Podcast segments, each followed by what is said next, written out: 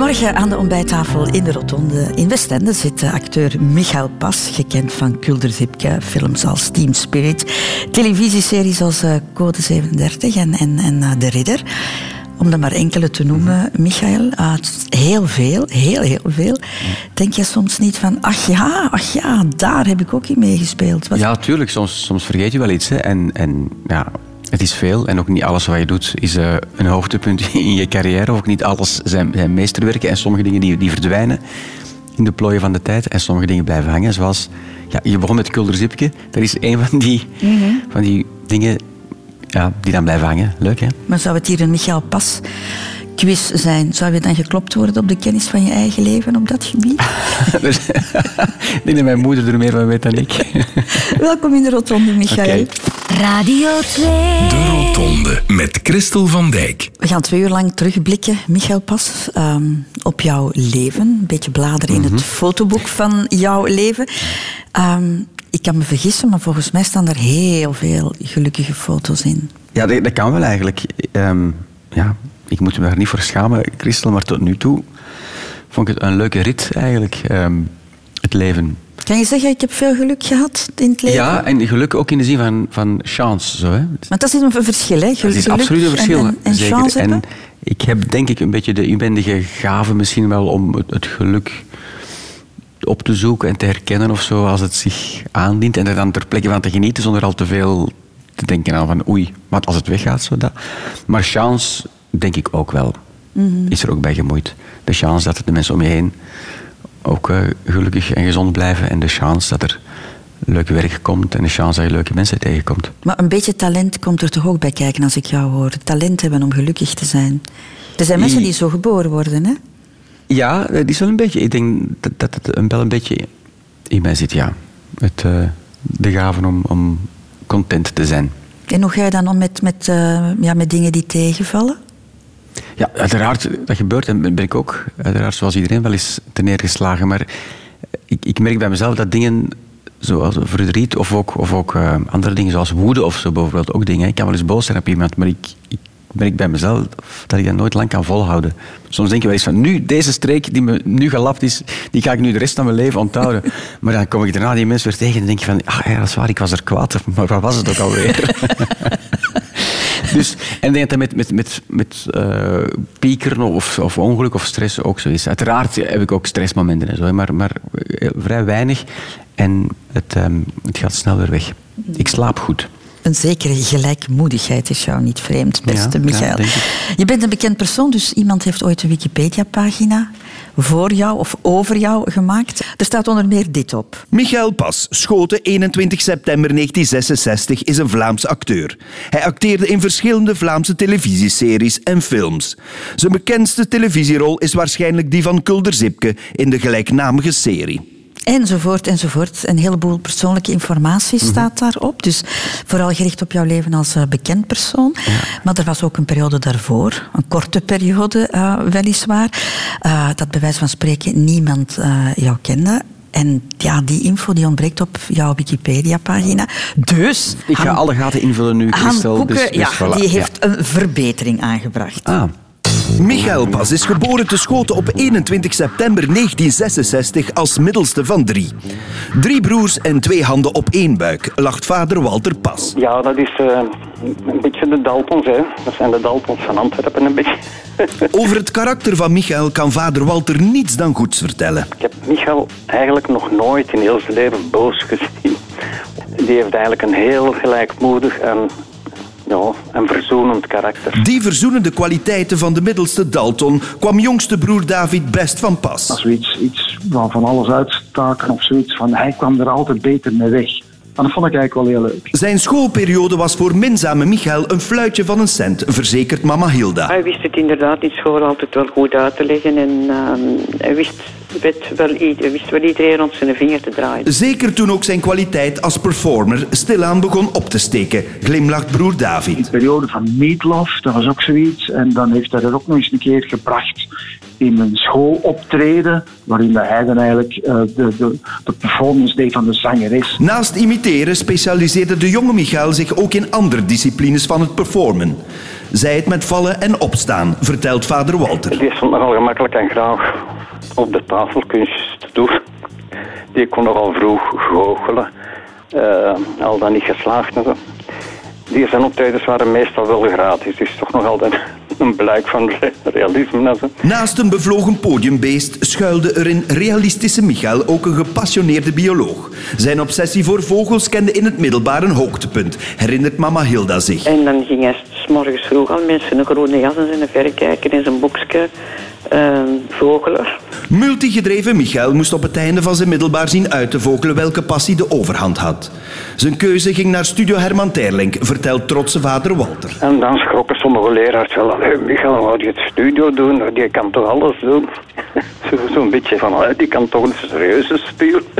Mondige Michael wist ook in studio zijn klasgenoten om de vinger te draaien, getuigt studiegenoot Rudy Morren. Een, een vrolijke gast altijd te vinden voor een grap, maar niet degene die als eerste op de tafel zal springen en het hoge woord zal voeren.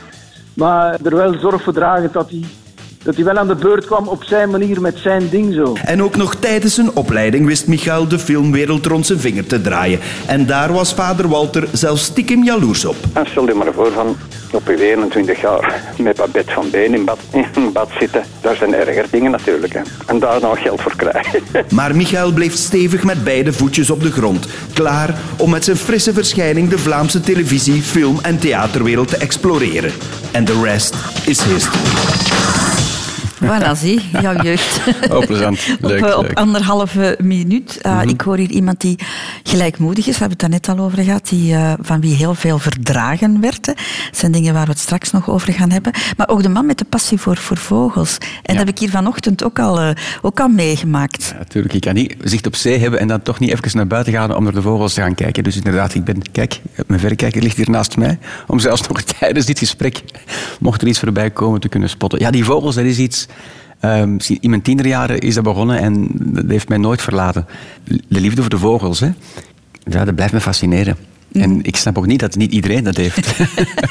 ik heb jou net heel trots laten zien dat ik een strandloper heb gezien en jij zei zo, ja. En dan, dan probeer je eens een beetje belangstelling te wijzen.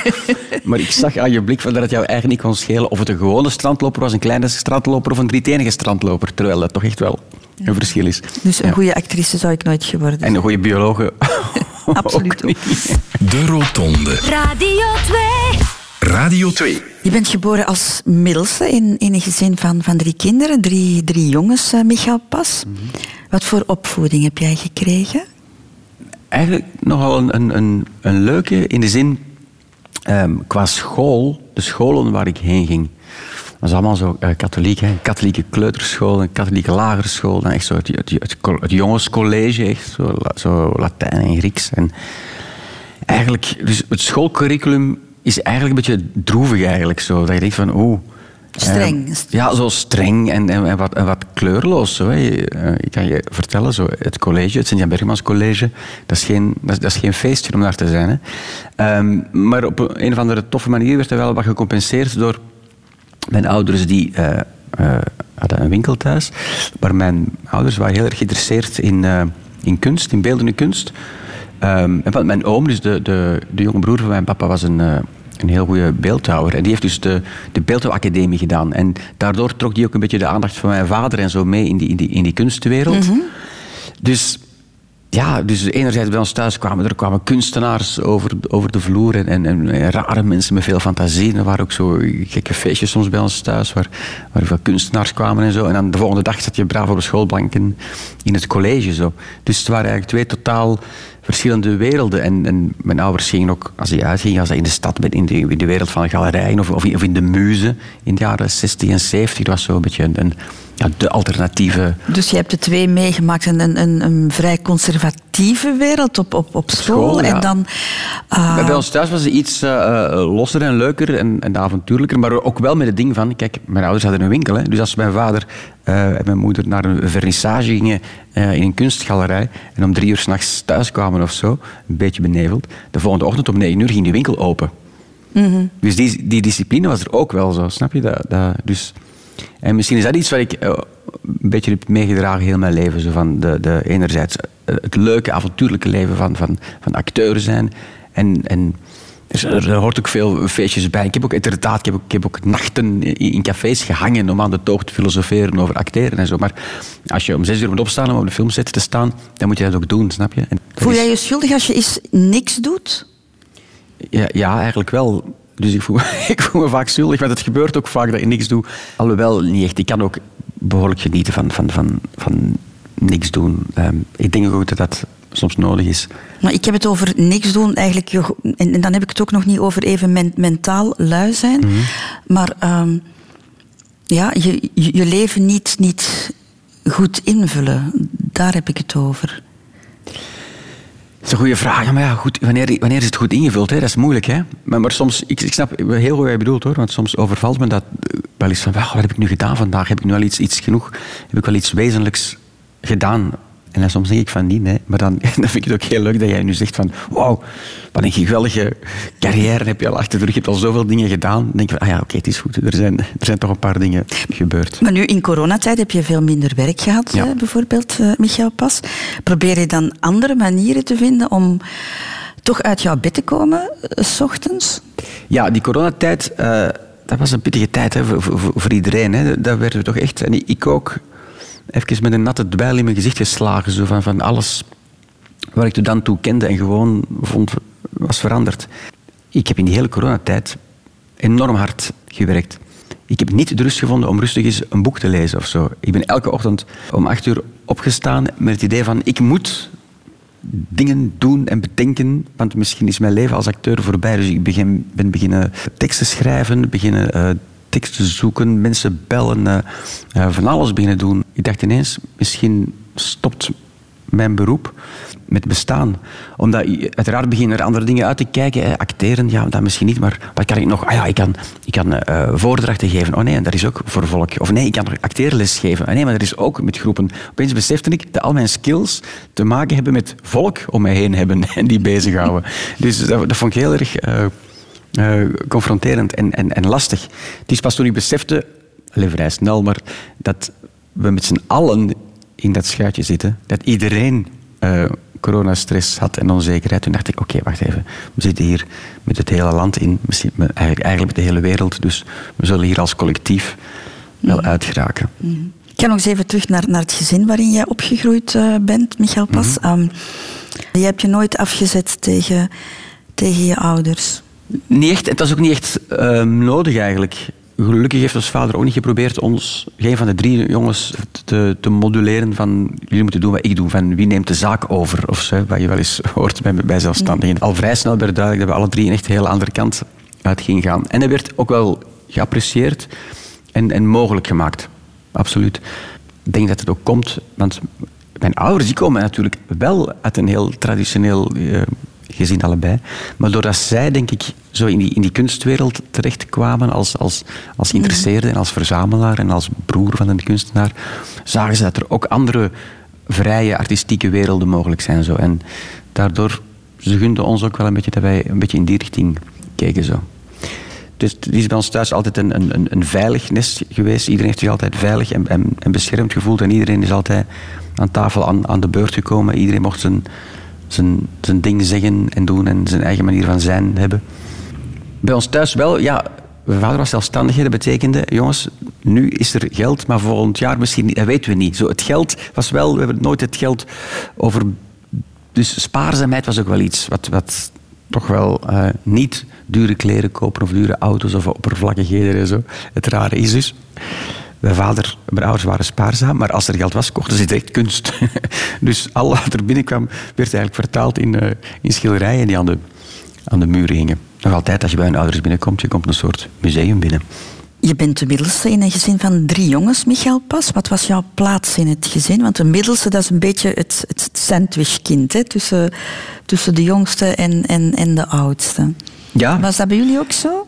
Ik hoorde het ook net al een beetje zo in de, in, in de getuigenissen, in de alternatieve Wikipedia. Heel mijn leven door ben ik zo'n beetje een, een soort... eh, eh, ik ben echt een, een, een teamspeler.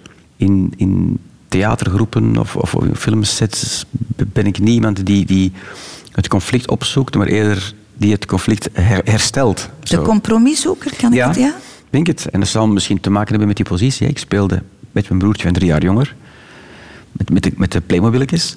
En ook met mijn broer van drie jaar ouder, met de actionman, met, met, met, eh, eh, oorlog sp- spelen met de ouderen en dan lieflijke spelletjes met de jongeren. Enfin, ehm, en ik, ik zocht en vond altijd een Ja. middel om met die, die twee ehm, Dus om te gaan. conflicten is aan jou niet besteed. Maar soms zijn er conflicten natuurlijk. Hoe, hoe ga jij daar dan mee om? Conflicten zijn er hè, en die, die kunnen meestal wel ehm, hersteld worden en eh ontmijnd worden, denk ik. Wat ik denk ik goed kan, is... ehm, mensen, kijk, mensen zeggen vaak dingen, maar mensen zeggen niet altijd precies wat ze bedoelen. Hè? En heel veel conflict komt daaruit voort. Het, ehm, Oké, wat zegt u nu en wat bedoelt u nu eigenlijk? Of waarom zou die mens... En ik kan me nogal goed, en misschien is ook wel acteur zijn, hè? ik kan me goed verplaatsen in personages, dat, dat moet ik doen. En ik zie vaak, als mensen een conflict hebben of zo, of, of ik zelf een conflict heb met, met iemand, kan ik mij zelfs verplaatsen in het personage van de persoon die conflict heeft met mij, snap je? Dus soms snap ik al wat hij voelt, omdat hij... ja, dus misschien is dat iets wat we allemaal wat meer moeten doen. Misschien moet iedereen een toneelschool doen. Ehm, als we ons wat meer zouden kunnen verplaatsen in de ander, hè, het, het wisselen van standpunt, dan kan je al heel veel conflict eh, oplossen en, en, en vermijden. Iedereen acteur, iedereen zich eens verplaatsen, is inbeelden hoe het is om de tegenpartij te zijn. Ja, en dan komen we op, eh, op acteren, eh Michael. Ja, dat, dat hoorden we ook hè, in die eh, nieuwe Wikipedia-pagina van jou. Jij wilde als kind al, al heel graag bekeken worden. Hè? Ja, raar eigenlijk. hè. Wat is dat, wat is dat eigenlijk? hè? Dat het ene kind op de tafel wil gaan staan en het andere kind niet. Het is een, een, een mysterie. Ehm, ja, dus ik wilde op die tafel staan. En waarom dan? Bekeken worden. En het is nog altijd zo, ja, dat, is een soort, dat geeft een soort ehm, verheviging van het leven. Het is, je bent dan eventjes iets intenser aan het leven. Ik denk dat ik het zo moet beschrijven. Want alsof je niet alleen je eigen leven leeft op dat moment, maar ook nog eens de aandacht en een stukje van het leven van die andere mensen er nog eens bij pakt of zo. En dat is iets geks en een beetje eh, verslavend ook wel. Je zou kunnen zeggen dat is ijdelheid of zo. Ja, maar ook niet helemaal. Want eh, als acteur, ja, je moet enerzijds de ijdelheid hebben om te zeggen van kijk naar mij, maar tegelijkertijd moet je nederig genoeg zijn om te zeggen van oké, maar als ik de, prins, de pretentie heb om te zeggen kijk naar mij, dan moet ik wel iets, iets laten zien wat de moeite waard is. Hè. En je moet ook de nederigheid hebben om samen met je collega's elkaar de kans te geven om, om, om, om iets goed te doen. Ja, alweer dat team, hè, die, dat, die team spirit. Ja, ik sta liever met mensen op het podium dan, dan, dan alleen. Ja. Wanneer heb jij voor het eerst eh, beseft of gezegd, eh, ik, ik wil acteur worden? Als echt bewuste keuze, denk ik, een jaar of tien of elf of zo moet ik geweest zijn. Dat is eigenlijk vroeg, hè, om, om te denken van dit levenspad wil ik gaan bewandelen. En werd dat door serieus genomen? Wel, ehm, ja, alleen door, door mezelf alleszins. maar, dus ja, dus wat er aan de hand was, ehm, dus mijn vader beschreef het al, mijn ouders zagen wel, oké, die Michael er is iemand die staat met zijn goocheldoos op de salontafel. En op, op een bepaald moment kwam er in de krant zo een, een advertentie van dat ze kinderen zochten voor een televisieprogramma, voor de BRT. Hè. En ehm, mijn, mijn moeder zei, kijk Michael, ze zoeken kinderen in de, in de krant. Hè. Er zijn audities voor kinderen die op tv willen komen. Ik zeg, ja, dat wil ik doen. Dus, en ja, dan ging ik zo'n auditie doen. En dan kwam ik zo terecht in zo'n groepje kinderen. En ehm, wij maakten tv-programma's. Elke maand was er zo op de woensdagnamiddag een uitzending voor en door kinderen.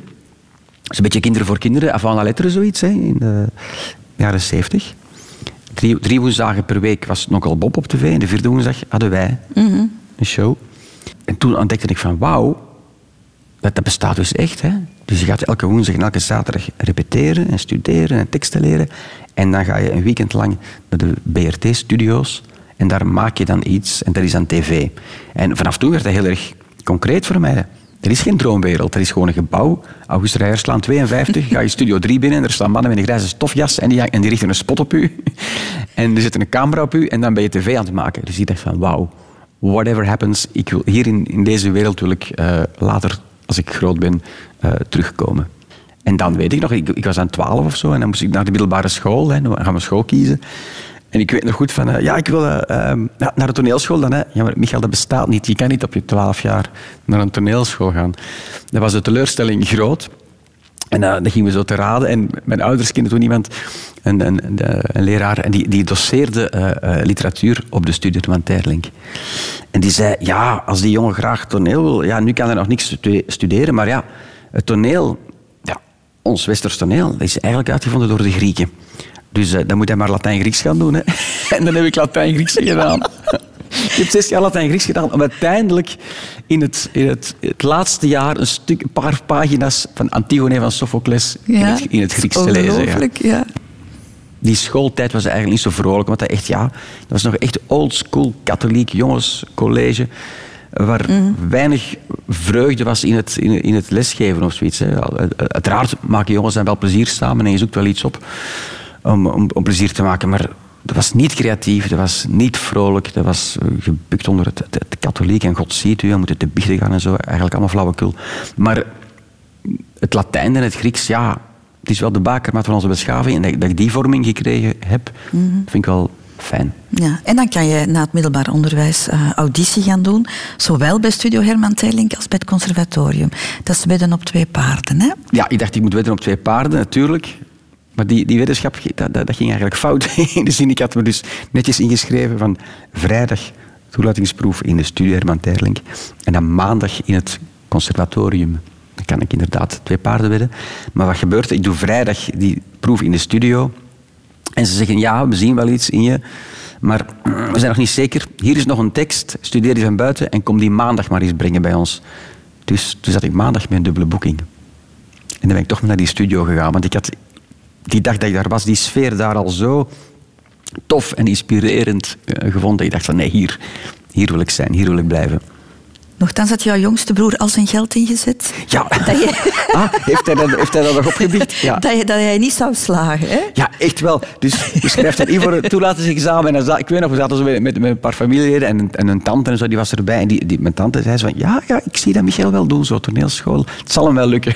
mijn broer, ik weet voor duizend frank dat hij er niet binnen geraakt.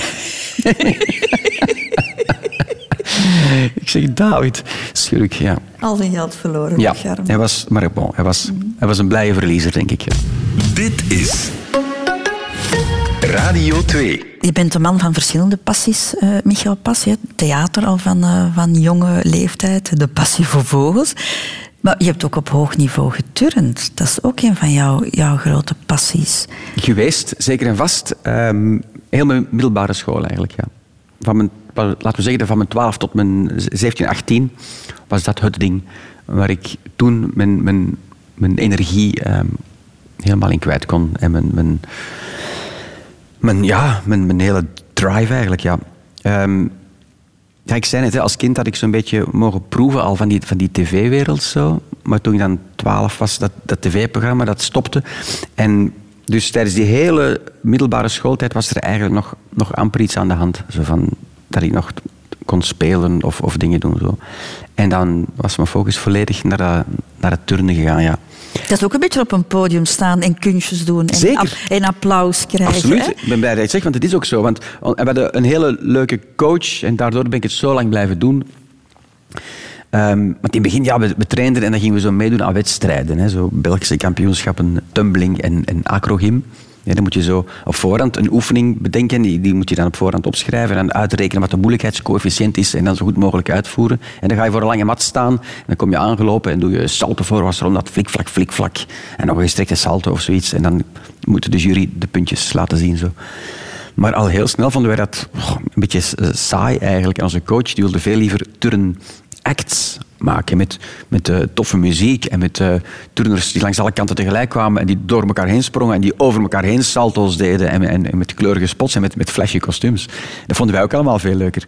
Dus, en dan in mijn verbeelding, ja, Men noemde het sport, maar voor mij was het eigenlijk eh, circus of, of, of, of entertainment. Ja, en show. we hadden show, en we hadden een paar knappe acts, hoor, moet ik wel zeggen. Een beetje zo Cirque du Soleil-achtig, zo deden wij. En ik zeg soms voor de grap, en een half grap, want het is, het is eigenlijk echt, echt waar. Als wij gingen soms, ehm, wij werden bij onze groep werden wij uitgenodigd in, in Duitsland om op te treden daar. En we hebben soms opgetreden in zo sportpaleisachtige toestanden. En ik heb nooit in mijn leven als acteur zoveel succes en applaus gekregen als met, als met dat turnen. Ja. maar eigenlijk valt daar alles samen wat jij, wat, jij fijn vindt. Het is ook een vorm van acteren. Creativiteit zit daar eh, Ja. ook wel in. En, En wat er ook in zit, hè, en dat is iets ehm, wat me al heel mijn leven is blijven fascineren, dat is, ehm, dat is het gegeven van je kunt iets niet. Er is een opdracht en die is onmogelijk. Dat kan zijn ehm, ja, een dubbele salto springen, is op zich onmogelijk eigenlijk. Hè. Of ehm, Indonesisch leren is een grote opgave, ik zeg maar iets. Maar dan ben je te oefenen en aan tijd denk je, hé, dat, dat gaat lukken. En dan oefen je nog en dan kan je het. En dan zeg je, kijk eens, ik kan het. Hè. En dan dat. En dat is eigenlijk iets wat me al heel mijn leven ehm, fascineert.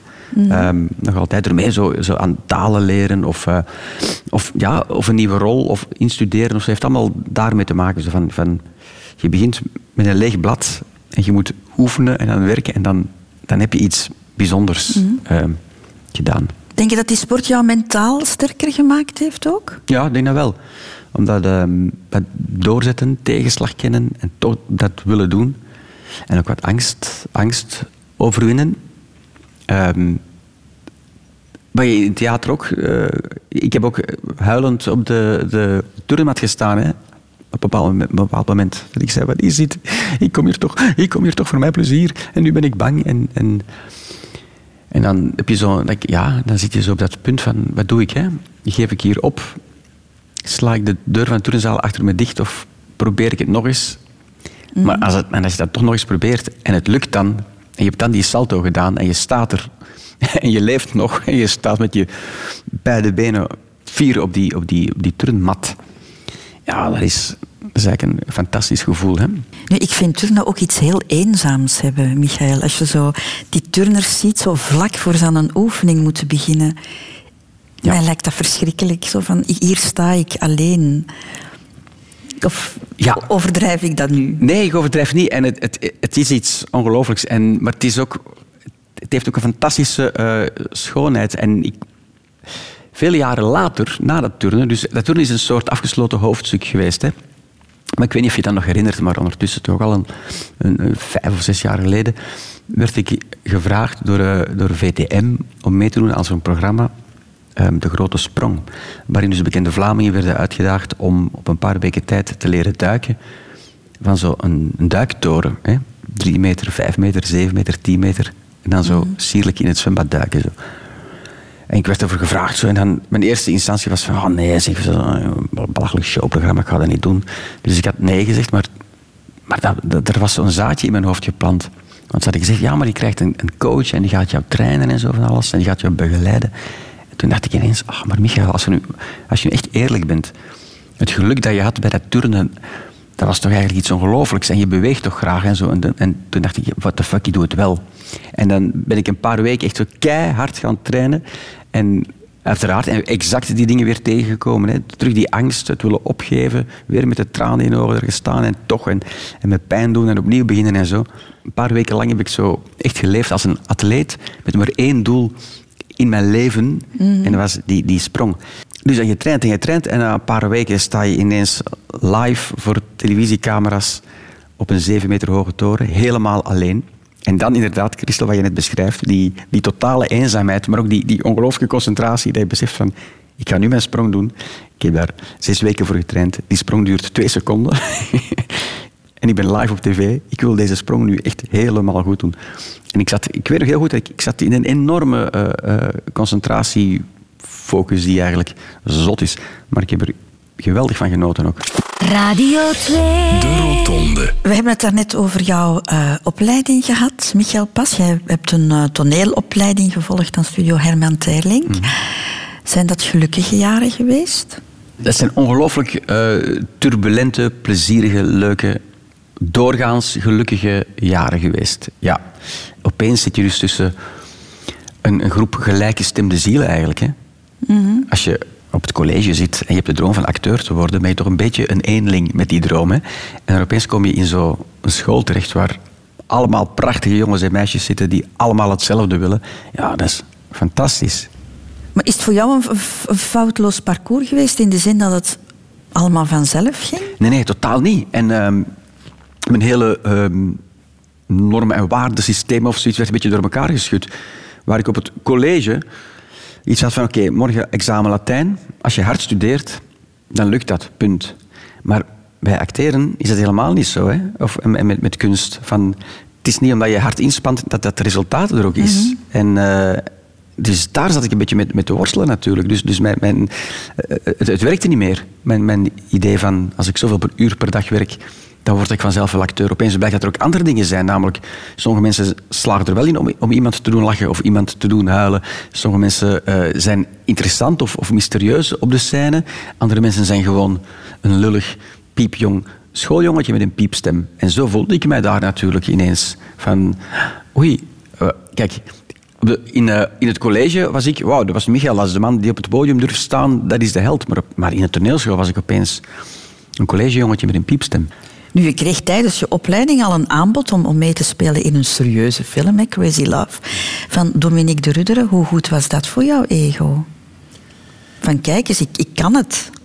Ja, maar tegelijkertijd werd dat ook onmiddellijk weer teniet gedaan. Hè. Dan kwam je terug op school en dan de, letterlijk zei de directeur van ja, je hebt, je, hebt, je hebt een film gedaan in je vakantie, had jij toelating gevraagd? Zo, hè. Ik zeg ja, nee, maar ik dacht, het is vakantie, dan, dan mag je dat toch doen. Eh, stel je maar niks voor, eh, acteren voor film, dat is niks. Eh, Fellini haalt de mensen gewoon van de straat hoor, om voor zijn camera te staan. Film is niks. Bovendien, je beweegt je wenkbrauwen te veel. Hop, en dat was het. dus, dus er werd niet echt... gestimuleerd of zo om eh, stappen te zetten buiten de, buiten de school of zoiets. Maar voor mij was het wel een opsteker, zeker. Nu, ik heb eens bekeken wat je allemaal gedaan hebt hè, ehm, na jouw studies. Enfin, mij lijkt het zo van, dat is precies allemaal vanzelf gegaan. Je bent van het een in het ander gerold. Ja, dat lijkt nu, als je zo, ja, als je zo'n lijstje ziet, lijkt dat wel zo. Maar er zitten altijd stukken maanden tussen dat er opeens eh, niks was. En dat je denkt, oei, nu is het afgelopen, nu ziet niemand mij nog staan. Of, of, en, en er is ook echt, eh, met ups en downs, hè. ik herinner, er is echt een periode geweest van zeker vijf à bijna tien jaar dat ik bijvoorbeeld, je moet maar eens kijken, dat ik in Vlaanderen niks meer ehm, kreeg van, van het film- of tv-rollen. En dan heb ik in die periode enorm veel toneel gespeeld in Nederland. Ehm, waar ik dan ook weer heel veel van, van, van geleerd heb. En, en ook een, een goede periode was. Maar toen dacht ik echt van ja, oké, nu is het in Vlaanderen gedaan. en jij Ehm, kan, jij kan om met die financiële onzekerheid. Ehm, ja, dat moet. Dat moet. Ehm, ja, het is niet dat je meteen arm wordt als je geen werk hebt, hè, maar het is inderdaad eh, misschien gek. Ik ben een man van 54. Ehm, de pensioen, pensioen lonkt al in de verte, maar als, ik, als jij nu aan mij vraagt wat doe jij volgend jaar rond deze tijd, dan zeg ik, Christel, geen idee. Ik weet niet of ik volgend jaar werk of niet werk. Het kan zijn dat ik bakken geld verdien, hoofdrol in een tv-reeks. Het kan zijn dat ik eh, in de duinen hier op luchttheater sta te spelen. Ik weet het niet. Ik zal, ik zal, ik zal het wel zien.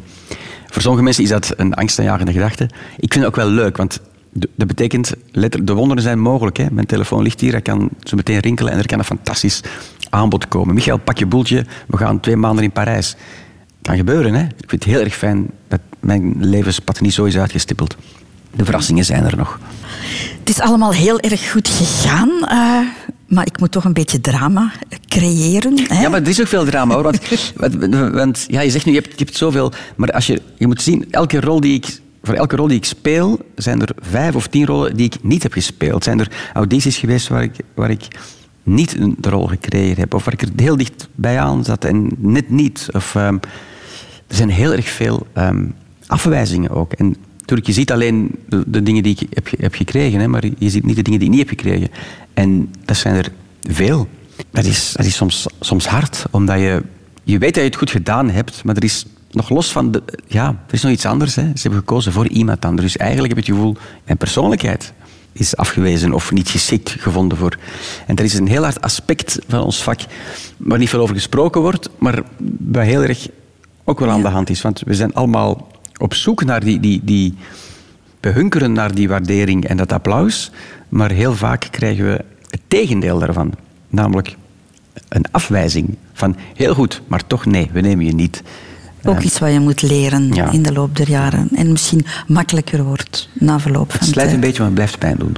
Hoe zit het met die internationale carrière dan? Ehm, beste Michael Pas. Hè? Je had kunnen doorbreken in Amerika. De film Dans hè, was eh, genomineerd voor de Oscars. Niet gehaald. Ja, net niet, nee. Maar je had ondertussen wel plannen gemaakt daar in Hollywood. Wel, er was, toen was er wel zoiets van, wauw, dit, dit zou wel eens een, een momentum kunnen zijn zo voor, de, voor de Vlaamse film, die Oscar-nominatie. Uiteraard niet alleen voor mezelf, maar ook voor, voor Stijn Konings, uiteraard. Die ehm, misschien wel internationaal ging doorbreken. Eh, ja, ja, de Claire, Antje de Boek. Dus we hadden wel iets van, jongens, maybe the magic happens nu. Hè. Ehm, Maar jij was al gaan praten met... ja, met, dus ondertussen had ik al via, via, via mijn agent hier hadden we eh, contacten en een afspraak gemaakt met een Amerikaanse agent. Want dat moet je dan hebben. Hè. Je moet in Hollywood een agent hebben, want anders kom je nergens binnen. En er was een agent die wat gespecialiseerd was in Europese artiesten. Die had zo Rutger Hauer en Jeroen Krabbe in haar stal. Mhm. zo. Dus, en die was wel geïnteresseerd om mij eh, te ontmoeten. Omdat inderdaad die film genomineerd was. Hè. En dan, ja, ik weet nog dat ik bij haar op gesprek ging en ik dacht eerst, is het een grap of wat? Het adres was Melrose Place. Die vrouw was.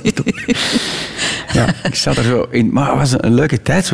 Dan ben je zo in Hollywood hè, en dan huur je een auto, je rijdt wat rond en je denkt van wauw, het is hier altijd mooi weer, het is hier een groot strand. Ik zag mezelf wel ehm, daar een tijdje zitten. Zo. Dus die mevrouw die zei, oké ja, als deze film...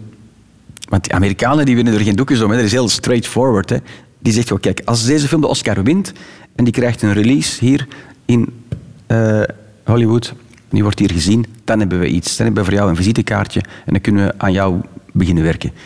En ze zei, maar weet, als het zo is, als Oscar gewonnen wordt en we gaan met jou werken, ben je dan bereid om hier, dan moet je minstens zes maanden hier komen zitten, want dan ga ik je naar die castings sturen en dan moet je hier wel zijn. Hè. Dus oké, dan- ik had ook wel besproken met, met, met Saskia van, zien we dat zitten? Dus ja, dat, dat plan, dat was er wel, ja. Dus ik zat natuurlijk op het puntje van mijn stoel toen ehm, die Oscar-uitreiking er was. En ik, ik was helaas ik was, eh, in, in België, want ehm, ik, mocht mee, hè, naar, ik mocht mee naar de Oscars. Ik heb dat laten schieten, heb ik ook een beetje spijt van achteraf bekeken misschien. Dus er was nog een ticket voor mij ook, om daar in het Kodak Theater te zitten bij de Oscar-uitreiking. Maar tegelijkertijd met die datum kreeg je de aanbieding om mee te spelen in een Franse film, die hier werd opgenomen, en waar ik eh, scènes zou hebben met Alain Delon. Ook, ook interessant, hè? Dus dan moest ik weer kiezen. Wat zou jij gekozen hebben, Christel? Wat kies je? Je tijd gaat nu in. Of je speelt een scène met Alain Delon, of je gaat naar de Oscars en je zit in een zaal met Francis Ford Coppola en Brad Pitt en Robert De Niro. Wat denk je dat een vrouw van mijn leeftijd zou gekozen hebben? Naast Brad Pitt zitten of met Alain Delon Alain spelen? Delon, Ja. uiteraard. Ik heb ook voor Alain Delon gekozen. Het was helaas niet echt een mooie film. Dus die film heeft absoluut niet mijn doorbraak in Frankrijk betekend. Dus ik had misschien toch beter dat avontuur van, eh, eh, in L.A. meegemaakt. Maar goed. Maar dus de film heeft het niet gehaald. Hè? Nee, dus duidelijk. Hè, die agent had het duidelijk gezegd. Hè, als die film het niet haalt, forget it. En dan dat heb ik ook letterlijk gedaan. Hè. I forgot it. Dan dacht ik van, oké, dan doe ik het niet. Zo gemakkelijk heb je dat nooit, Ja. nooit beschouwd als dit is de gemiste kans in mijn leven? De gemiste afslag? Ja, dat is, ja er, is, er is een gemiste afslag, maar wat kun je eraan doen? Niks, hè. Ik had ook niet zin om daar dan toch naartoe te gaan en dan zo eh, in een pizzarestaurant te gaan werken. Dat is, dat is een cliché, maar het is dus echt waar. Hè. Als, ik, als ik daar zo zat, de, de persoon in L.A., hè, de persoon die je pizza kon brengen aan de tafel, is of een acteur, of een scenarist, of een regisseur die nog wacht op zijn doorbraak. Ik dacht van, dat ga ik niet doen. Ik ben acteur en eh, dan speel ik liever een grote rol in het piepkleine Vlaanderen dan een kleine rol in het gigantische Hollywood. Ik wil geen garnaal zijn in die Amerikaanse zee. Ik wil een grote vis zijn hier. Je had eh, drie broers, Michael Pas, en je ging ook nog naar een jongensschool, dus heel veel jongens. Hoe ver stonden meisjes van jou af in, in, in jouw tienerjaren? Veel te ver eigenlijk, hè? Je hebt eens in een interview gezegd, Michael, dat je vroeger wel wat onzeker was op het gebied van meisjes, eh, wa- wa- wat, jouw lengte betreft. Klopt Ehm, dat? Ja, in, in, de, in de collegeperiode, ja, de jongens van mijn klas die waren allemaal zo eh, ja, als je zo 17 jaar bent, dan heb je echt al gasten die eruit zien al als mannen en als atleten en die zich moeten scheren en die spieren hebben en zo van alles. En ik was echt nog zo, ik voelde me echt erg klein en kinderachtig zo. En in vergelijking tot mijn, mijn leeftijdsgenoten voelde ik me wel zo'n beetje een, een schriele garnaal, ja. Maar dan, ja, gaandeweg kom je erachter dat je eh, ook andere troeven op tafel kunt gooien dan... eh, dan de fysieke viriliteit en zo. Hè. Dat, dat, dat bijvoorbeeld eh, humor en, en charme eh, ook dingen zijn waar je een vrouw mee kunt... eh, Heeft het feit dat jij acteur was, of acteur in wording, heeft dat wel eens geholpen aan een toog? Als je aan iemand zegt, ik studeer voor acteur, ik kan me wel voorstellen dat dat... Wow, wow. Ja, ja, maar als je dat aan de toog zei van, het café waar ik altijd kwam, dan heb je hoog kans dat die persoon zou antwoorden, ik ook. Iedereen studeerde daarvoor acteur. Nu, je komt heel snel jouw partner al tegen. Hè? Je was nog maar 21, Saskia was, was 18. Ja, ja. Was jij toen al op zoek naar een vaste relatie? Nee, helemaal niet. Nee, nee. En als, men, als toen iemand tegen mij had gezegd, als je nu met dit meisje naar, vanavond naar huis gaat, dan ben je er over 30 jaar nog mee samen, dan was ik misschien gaan lopen of zoiets. Maar eh, ja, het kan zomaar eens gebeuren hè, dat je iemand eh, tegenkomt met wie je een heel leuke klik hebt en dat je denkt van wauw. Maar het was geen vooraf uitgestippeld plan, totaal niet. Voor haar ook niet eigenlijk. Ja, want jullie waren eigenlijk...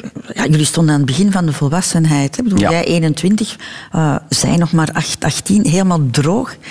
Achter de oren ben je dan misschien toch nog niet? Nee, ja, tuurlijk. We waren allebei nog aan het zoeken, echt heel erg. Ik was Michael en ik wil acteur worden. Zij is Saskia en zij wil eh scenografe worden. Zij wil decor en licht ontwerpen voor theater. Dus we herkenden natuurlijk in elkaar direct van... Oké, we hebben allebei een droom waar we echt voor willen gaan zo. En, en, en dus we zaten in dezelfde wereld. Ja, en dat is eigenlijk zo gebleven. We zitten nog altijd in, in, die, in diezelfde wereld. Ehm, we hebben allebei onze, onze weg gegaan. Je hebt elkaar een beetje groot zien worden, kan ik het Het zou wel zijn, dat is ook- eigenlijk super toch dat je elkaar letterlijk ziet volwassen worden eigenlijk. Hè?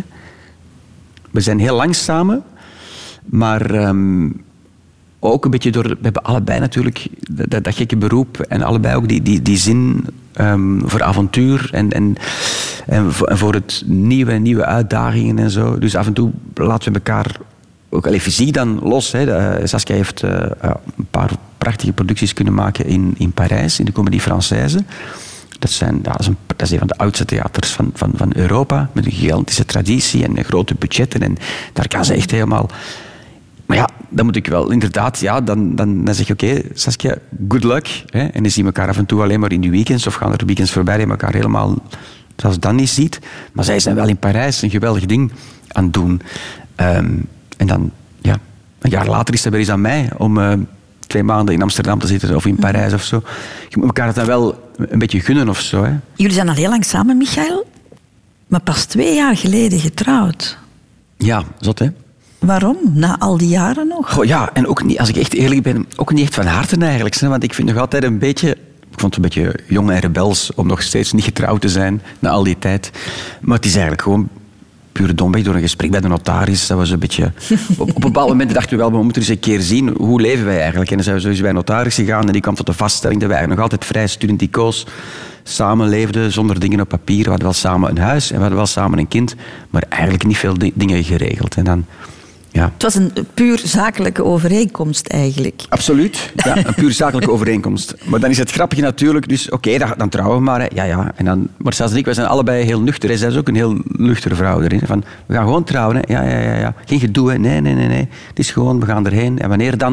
En dan echt zo naar het gemeentehuis. Wanneer is het het goedkoopst? En wanneer kan het nog? Ja, maandagochtend om half tien. Oké, we trouwen dan maandagochtend om half tien. Ehm, we gaan niemand uitnodigen en we gaan daarna pas zeggen... Ook in gedoe met gastenlijsten en zo en feesten. En we hebben helemaal geen zin. In huwelijkslijsten voor de cadeaus. Huwelijkslijsten en cadeaus. En het zou ook een beetje potsierlijk zijn om na 30 jaar te zeggen... "Joehoe, we gaan trouwen. Het heeft zoiets iets raars. Maar wat dan toch grappig is... is dat, het was dan zondag, de dag voor de trouw zo... En ik dacht, als ik nu echt helemaal niks heb, dan ben ik toch nog... Ik zeg, Saskia, ik kan even nog eh, naar de videotheek of zo. En dan toch mijn fiets gesprongen en dan op zondag de stad afgereden naar een bloemenwinkel waar ik toch nog ergens een boeketje... Ik zeg, ik wil zo een wit, ik wil een trouwboeket. Meneer, trouwboeket, dat gaat niet. Dan moet je drie weken op voorhand reserveren. Ik zeg, nee, maar doe maar zoiets met wat wit en zo. En dan knip het wat kort af en hij toch zo'n mooi boeketje in de plastic zak meegenomen en in de kelder verstopt. Van, dan ga ik Sas morgen verrassen. En dan is het zo maandagochtend, de dag van de trouw. en dan zag ik, tja, nu staat ze toch iets langer dan normaal voor de spiegel. En ze is haar echt mooi aan het leggen. En oh, ze, gaat precies een mooi jurkje aantrekken. En dan dacht ik, weet je wat, oké. Dan ben ik toch gauw stiekem mijn kostuum gaan aandoen. En voor het wisten, keken we elkaar aan en we zagen, we betrapten elkaar erop dat we ons echt hadden schoongemaakt voor de trouw eigenlijk. En dan hadden we aan onze zoon gevraagd, Simon, we gaan trouwen, ga je mee? En zij moet dat, want ik heb wiskunde vandaag. en ik zei, nee, het moet niet, maar de beide ouders zouden het heel erg appreciëren als hun kind erbij is. Oké dan. En toen zei Saskia, maar wil jij de foto's maken? Ah ja, dat vonden we leuk, hadden we een opdracht. En dan zijn we met z'n drieën eh, naar de, het gemeentehuis getrokken, waar de schepen die vroeger onze buurman was, ons getrouwd heeft. Dus dan had je de schepen en nog één secretaris. En dan wij met z'n drieën in die lege zaal. En mijn zoon die de foto's gemaakt heeft. En eh, hier, ik zal ze laten zien. Ze, heeft mooie foto's gemaakt. en dan, ja, dan echt wel tot, tot, toch tot mijn eigen verbazing... ehm, merk je dan toch van, oh, ik ben toch een beetje ontroerd eigenlijk. Want hoe mooi is het eigenlijk? Hè? Dan, ehm, de, de, schepen zeiden tegen Simon van, ehm, als je wil mag jij het ding aflezen. Dus dan, heb je, dan zit je daar, Christel, en dan zegt je eigen zoon, aanvaard jij Michael Pas, deze vrouw, Saskia Lalaert, als uw echtgenote. Kijk, hier. Kijk, zo die foto's. Ik kijk toch hier. Hier zie je mij toch. Wacht, hè. Kijk eens. Je ziet dat we echt... Ah zijn- ja, kei schoon. Want toen je het begon te vertellen, dacht ik, dit is de meest vreemde trouw die ik, waarvan ik ooit gehoord heb. Het is de meest maar vreemde raakt- trouw. Maar toch raakt het. We hadden dat niet verwacht eigenlijk. Kijk, je, je ziet dat echt. Kijk, hier, ze geven elkaar zo Oh. een kus.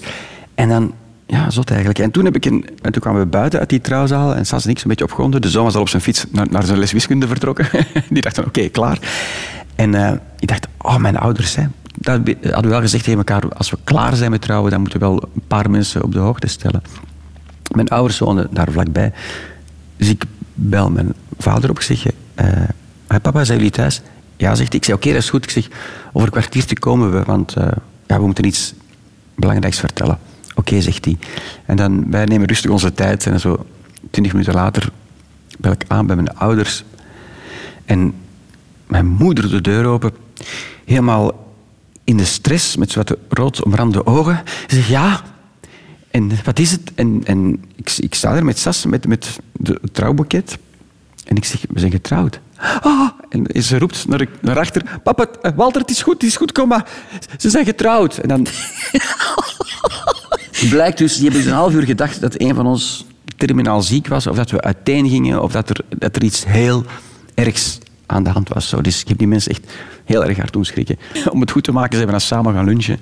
En dat was eh, heel gezellig. En de rest van de dag ben ik met Saskia als een verliefd koppel door de stad gelopen en wat, eh, wat gewinkeld en een glaasje wijn gedronken in de stad. Dus eh, het was eigenlijk toch wel iets, iets moois geworden eigenlijk. Het puur technisch zakelijke dingetje. Je bent al meer dan 30 jaar samen met Saskia, Michael Pas. Twee jaar geleden getrouwd, hè. daar Ja. hebben we het er net over gehad. Maar jullie hadden daarvoor misschien al een verbintenis die groter was hè, dan, dan eh, die handtekening onder dat contract. En dat is jullie zoon, Ja, Simon. Ja, ja. 18 ondertussen. 18 ondertussen, ja. Als we even tellen, dan was jij 36. 36. Mhm. Dat is er niet snel bij zijn. Geen jonge papa, nee, zeker niet. En Saskia was 33, ehm, dus ook niet een jonge moeder. Die, ehm, het is niet zo dat Sas vanaf er 20 jaar met een kinderwens zat of zo. Totaal niet. En pff, ik ook niet eigenlijk. Het is ons ook niet echt... We hebben dat niet echt supergoed gepland of zo. Hoor. Het was eigenlijk in een vlaag van ziensverbijstering dat we eventjes dachten, zullen we ook een kind doen? Want ja, mijn broer, mijn jongste broer kreeg een kindje. Eh, en mijn oudste broer. En opeens die, die, die baby's, dat, oh, dat vonden we ineens, dat stak onze ogen toch wel uit. Ik had die baby van mijn broer vastgehouden en naar Sas gekeken en zo. En zoiets van, oh, ik weet we stonden in een café en ik zei, Sas, zo'n kindje zou dat ook eens niet doen. Ah ja, leuk, ja, ik, ik wil dat wel proberen. Ja, oké, we doen het. En toen, toen besloten we daar, we stonden aan de, aan de in Café de Paliter. En ik had toch zoiets, zo waar ik nog altijd, het, studentencafé, hè. ik had ook zoiets van, zeg Sas, we kunnen nu nog de rest van ons leven elke avond hier in de kroeg staan, of we kunnen eens een keer eens een leuk project doen, zoals een kind of zo. Ah ja, oké. Maar, dan, ehm, maar echt zo dat soort, een soort babyromantiek. Hè? Want ondertussen was ik weer een paar keer op, bezoek geweest bij mijn broer. En hadden we die baby zien huilen en zien kakken. En had ik gezien dat mijn broer wallen onder zijn ogen kreeg van de slapeloze nachten. Dus na een maand ongeveer zei ik tegen Sas, ik zeg Sas, zo'n kind jongen, dat is gewoon super vermoeiend. Ja, zei ze. Ik zeg, gewoon dat niet doen. Hè. Nee jongen, we hebben nog veel te veel werk in theater en zo van alles.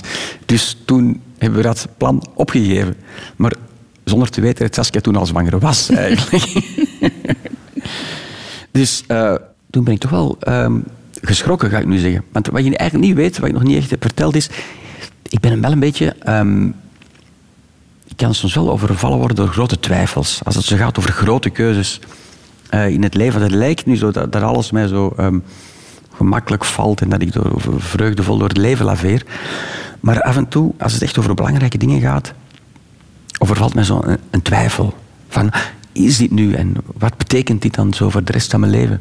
Um, daar was me al een keer overvallen van... Toen Sas voorstelde, zullen we samenwonen? Toen dacht ik, oh god, nu al. We waren acht jaar samen. Hè. Nu al samenwonen, zo rap. en zij zei, ja, Michael, wat is de big deal? Er verandert niet veel. Bedoel, we slapen sowieso elke avond samen. Of bij jou, of bij mij. Hè. En dan maar was dat voor mij toch een soort psychologische grens waar ik over moest. Oké, we gaan samenwonen. En dan deed ik dat. En toen dacht ik, ah ja, leuk eigenlijk. Waarom heb ik hier zo lang moeilijk over gedaan? Hè? Volgende concept. Zullen we eens een huis kopen? Ah, ik weer in de stress. Een huis kopen. Zoiets. Voor de rest van je leven stenen. Uh, voor de rest van je leven afhankelijk van de bank en dit en dat. Zo. En terwijl ze ziet dat van, maar wat is nu het verschil? Nu betalen we huur en dan betalen we af. En dan, na maanden twijfelen, deed ik dat. En toen dacht ik, oh, eigenlijk valt dat best mee. Um, dus alles wat jou te, te, te, veel kan, kan binnen, je moet nog het, het gevoel hebben dat je weg kan. Ja. Wijze van spreken. Ja, wat ik net zei, dat, dat, dat, het feit dat in mijn, in mijn beroep dat, dat, dat, dat de toekomst zo, zo open is, is ook iets wat, wat mij aantrekt. Zo, hè. En dus toen met dat kind ook, dacht je van, oh god, een kind is echt wel voor altijd. En dan en ga ik dat wel kunnen. Zo, het vaderschap. Zo. Vond ik, ik heb er echt stress van gehad. En um, hoe heb je dat opgelost?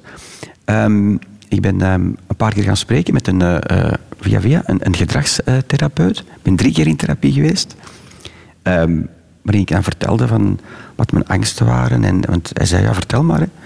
En die man heeft mij niet heel veel verteld, hoor. Hij heeft mij gewoon gewezen op, op, um, op uh, een soort... Dat ik dat elke keer zag als een, een, een beperking van mijn vrijheid.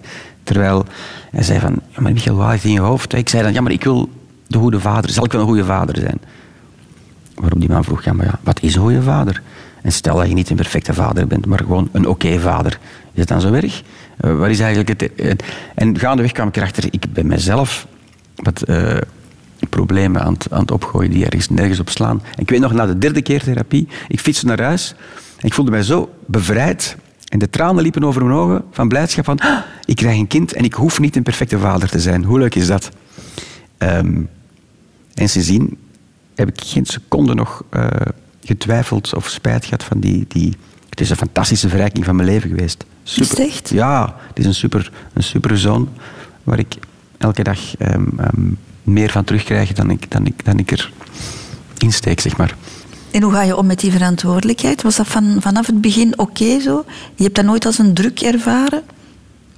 Als nee. eens het kind er was? Ja, nee. De angst voor die verantwoordelijkheid was veel groter dan, dan de verantwoordelijkheid zelf. Zo, hè. Gek, hè? Hoe dat dan gaat. Um, ja, gewoon... Eigenlijk een beetje zoals ik het uh, in de liefde ook heb, heb gedaan. Hè. Gewoon denken, um, gewoon dag per dag. Wat gebeurt er vandaag? Oh, wat een mooie dag. Ik wil morgen nog zo'n dag. En dan, en dan ben je vertrokken voor een, uh, een heel leuk avontuur. Ja, zo'n kind dat opgroeit is natuurlijk elke keer nieuwe ontdekkingen van het kind en van jezelf, dus door de ogen van het kind. Van eh, Simon, ja, ik zou het niet willen missen. En het, het, het houdt niet op, hè. Maar het één keer meemaken was genoeg voor jou. Ja, om nu te zeggen, er moet een tweede kind, hoeft voor mij niet. Ik had wel iets van, oh, dit is super interessant, maar ik ben blij dat elke fase één keer gebeurt. Dus vanaf als we klaar waren met de pampers, was ik ook heel blij van, oké, en nu komt er geen pamper meer het huis in. Um, uh, en nu heb al dat lelijke kinderspeelgoed de deur uit. Ja, ik vind alle, ja, ik vond, het, die, ik vond die, die, die ontdekking en die fascinatie van alles voor het eerst mee te maken, vond ik super eh, interessant. Hoe makkelijk zal het loslaten zijn voor jou? Aha, dat is... ehm dat is een Ja, want hij is vraag, hè? 18 nu, hè? Ja. Hij is 18 en ehm, ehm, ja, je moet hem loslaten. Tegelijkertijd wil je er zo lang mogelijk bij zijn. hè. Want nu ben ik al helemaal gefascineerd natuurlijk. Hij staat nu aan het begin van... Ja, hij staat nu waar ik stond toen ik die studio van Terlink binnenwandelde. Hij is nu het conservatorium van Antwerpen binnengewandeld om jazzmuzikant te worden. Dus wat dat betreft is het natuurlijk wel enorm gelijkaardig. Hè? Hij heeft zo heel braaf en heel degelijk zo zijn, middelbare school gedaan. Latijn en wiskunde. Hij zou wetenschappen kunnen studeren. Maar nee, muziek. Maar dat loslaten, ja, Christel, is een, een, een goed thema. Mijn mama is nog altijd... eh, ehm, als, ik, als ik op televisie kom of ik ben op de radio geweest en ik moet zorgen... Ja, nee, dit zal ze nu weten, want jullie hebben haar opgebeld. Maar als ze zo achteraf hoort... Oeh, je was op Radio 2 en ik wist dat niet. Vindt ze heel erg vervelend. Ze heeft toch nog heel graag dat ik haar op voorhand communiceer wat er allemaal gaat gebeuren. Ze wil daar niks van, van missen. En eh, daar heeft ze altijd al gehad. En eh, ja, ik heb er vroeger er veel mee geplaagd en zo van alles. Eh, maar nu, nu snap ik het heel goed natuurlijk. Als mama had ze in haar keuken een paar prikbord. Er hingen allemaal foto's hè, van, van de kinderen en onze lesroosters zingen daar en onze examenroosters en zo. Dat was zo haar vierkante meter waar ze haar overzicht van de familie eh, bewaart. En erin had ze uit de krant geknipt een gedicht van eh Khalil Gibran. Dat is een, een, een Persisch-Amerikaanse poëet. Je kent dat gedicht misschien wel. Het gaat over loslaten. Hè? Dat is, je kinderen zijn je kinderen niet. Ze zijn de zonen en dochters van de hunkering van het leven naar zichzelf. Ze komen door je, maar ze zijn niet van je. En hoewel ze bij je zijn, behoren ze je niet toe. Je mag hen je liefde geven, maar niet je gedachten, want ze hebben hun eigen gedachten. Je mag hun lichamen huisvesten, maar niet hun zielen. Want hun zielen vertoeven reeds in het huis van morgen, dat jij nooit bezoeken kunt, zelfs niet in je dromen. Je mag proberen te worden zoals hen, maar tracht hen niet gelijk aan jou te maken. Want de tijd staat niet stil en blijft niet dralen bij gisteren. Jullie zijn de bogen waarmee je kinderen als levende pijlen worden weggeschoten. Dat is mooi, hè? Dat is mooi. En ik moest mijn, mijn mama er dikwijls mee geplaagd dat ze dat gedicht eruit te hangen. Omdat het gaat over loslaten, maar, maar ze kan het niet. en dat gaat mij ook overkomen. Dus ik ken dit gedicht, ik draag het in mijn hoofd en in mijn hart. Maar ik kan het er ook heel moeilijk mee hebben, natuurlijk. natuurlijk. Na een heel, heel gelukkig leven, Michael Pas, moet ik jou nu laten sterven. Oei, oei, wat gebeurt Maar je mag, je je mag zelf kiezen hoe. Ah, serieus? Ehm, ja, dan ehm, maar mag ik ook kiezen wanneer? Want ik, ik zou het liever nog even willen uitstellen. Is het iets waar jij bang voor bent? De dood is niet iets waar ik naar uitkijk, dat kan ik je wel vertellen, ja. Maar ja, bang eh, in eenzaamheid of zo zou ik niet, niet, niet willen gaan. Ik denk dat het fijn is om op een, dat je het voelt aankomen en dat je weet van nu gebeurt het. En dan met mensen om je heen of zo, dat je toch gedragen wordt. Denkt er dat er nog een plustijd komt? Bedoel je na de dood? Ehm, nee, ik verwacht geen plustijd. Nee. Dat is misschien natuurlijk ook mijn levensvisie een beetje ook. Hè? In de zin van... ehm, kijk, als je... Misschien is een deel van gelukkig zijn ook wel... Ook niet te veel willen verwachten. Hè? Dus voilà, ik ga ervan uit dat er niets is na het leven. En als er toch iets is, dan is het, dan is het hopelijk een positief iets. Want we gaan er allemaal vanuit dat, dat de hemel iets goed is. Misschien is de hemel wel een verschrikkelijke plek. Nee, ik ga ervan uit dat er niks is. En ehm, als er toch iets is, ja, dan zal ik aangenaam verrast zijn. Maar wat je nu zei, van niet te veel te verwachten, Ja. is dat, dat is jouw leidraad in het leven? Een, een beetje wel eigenlijk, ja. Genieten van, van, van, van wat er is. En als er nog iets bij komt, dan is dat een extra, een extra cadeau. Zo. En ik meen het echt, als ik zo... ehm, ik zei er straks voor de grap, misschien kan nu straks de telefoon gaan en ik word gebeld voor een nieuwe filmrol of voor een nieuw leuk project of zo.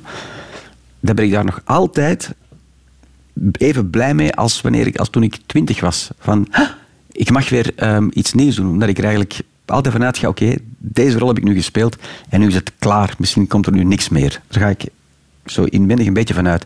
En elke keer als er dan toch nog iets komt, ben ik daar echt intens blij mee. Nu, in het leven ehm, moeten we ook leren om afscheid te nemen. Hè? Ben jij op dat gebied gespaard gebleven? Ik bedoel, jouw beide ouders leven nog, hè? Ja, ja en die zijn, je hebt ze gehoord daar straks in, ehm, in Blakende Gezondheid. En je hebt ze ook uh, uitbundig horen, horen lachen zelfs toen ze werden geïnterviewd. Dus ja, die zijn in, in goede doen. En dat is natuurlijk ja, een, groot, een grote bron van vreugde voor de drie zoons. Hè, dat ze zien dat hun ouders op zo'n fijne, lichte, gracieuze manier uh, oud worden. Nee, eigenlijk mijn, mijn, de, dichtste, ja, de, de, de, moeder van mijn vrouw Saskia, die is al overleden. En het, het, ergste, misschien wel of het dichtste, ja, ik heb wel tien jaar geleden of twaalf jaar geleden een heel erg goede vriend um, mm -hmm. verloren. Die uh, aan een slopende ziekte. ALS had hij, dat was, dat was Karel. Karel Ridders was een, een, acteur. acteur ook, hè? Ja. En die heb ik, ja, daar zijn we heel dicht bij geweest. Van, vanaf als hij die ziekte kreeg tot, tot wanneer hij eraan is overleden. Zijn we er heel dichtbij gebleven. En, dus dat heb ik wel van heel dicht meegemaakt eigenlijk. Een, een hele aftakeling. Een hè? afbraakproces eigenlijk. Ja. Van elke dag net iets minder kunnen dan de vorige dag. En dat, ja, anderhalf jaar lang of zo. Ja. Nu, sommige mensen gaan lopen bij het zien van leed. Mm -hmm. je, je, je, moet dat aankunnen, hè? iemand zien, zien, zien aftakelen, iemand zien wegglippen. Ja, en um, ik ben heel lang blijven geloven van... Um, Oké, okay, hij heeft ALS en uh, ze gaan er wel iets voor vinden. En uh, weet je wat, we gaan zorgen dat hij thuis kan blijven. En we hebben zo met z'n allen we zijn badkamer verbouwd en zo, dat er een rolstoel in kon en zo van alles. Ik, ben mezelf heel lang bezig gehouden met uh, mezelf een beetje wijs gemaakt. Hè, van als we maar goed knutselen en timmeren aan die badkamer en veel op bezoek komen en, en meenemen, dan, dan kunnen we die ziekte wel tegenhouden of zoiets. Maar dat is dus niet gelukt. En dat was, ja, dat vond ik, vond ik heel gek. Op een bepaald moment zei hij, jongens, volgende zondag gaat het gebeuren. Dan, dan komt de dokter en dan krijg ik een spuitje en dan ben ik het niet meer. En wij dan van, hè? Nu al? Maar ja, dat is voor hem, was het al een heel lang proces geweest. Hè? En dat vond ik wel hard dat je dan moest toegeven van alles wat we gedaan hebben. Ja, niets helpt. Niets heeft geholpen. Het heeft natuurlijk wel geholpen. We hebben ervoor gezorgd dat zijn laatste anderhalve jaar een mooi jaar was. En, en, en dat het comfortabel was. Zo comfortabel mogelijk ja. natuurlijk. En dat hij, hij had ook geen partner en zijn familie woonde in het buitenland. Dus zijn vrienden werden heel erg zijn familie. En ben ik ook heel blij en dankbaar dat ik dat heb kunnen mogen doen. En is ook een heel erg mooie leerschool geweest. Want we zijn dan... Ja, die euthanasie is dan gekomen. Met, we waren met een stuk of tien vrienden of zo. Echt rond zijn bed. En dan ja, iemand, iemands hand vast hebben terwijl hij sterft, is misschien voor sommige mensen iets, iets gruwelijks om aan te denken. Maar het was van een dermate uh, schoonheid en, en intimiteit, dat dat voor al die mensen die daar waren echt iets heeft betekend. Dus je zou kunnen zeggen dat Karel ons heeft leren sterven. Dat was een heel erg mooi ja, mysterieus moment eigenlijk. Stel je dus dit voor, dus een week voor hij doodging, zei hij, um, ik ga dus voor zondag ga ik dood. Een aantal mensen van jullie zullen op mijn begrafenis dan een mooi tekstje voorlezen over mij. Hij zei, maar ik zou het wel zonde vinden om dat niet te horen. Dus ik heb graag dat hij het zondag voor mij voorleest, waar ik bij ben. Dus hij heeft ons allemaal naar huis gestuurd en zei, zo ga maar naar huis ga maar aan het werk. En volgende week zie ik jullie terug.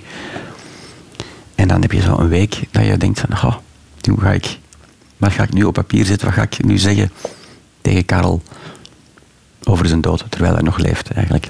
Ja, dat was een knap moment. Heel bijzonder. En het was heel mooi. Er was, er was goede taart en er was champagne en, en de muziek. En we hebben gelachen, er is veel gehuild en ook, ook gelachen en geknuffeld. En Heel bijzonder.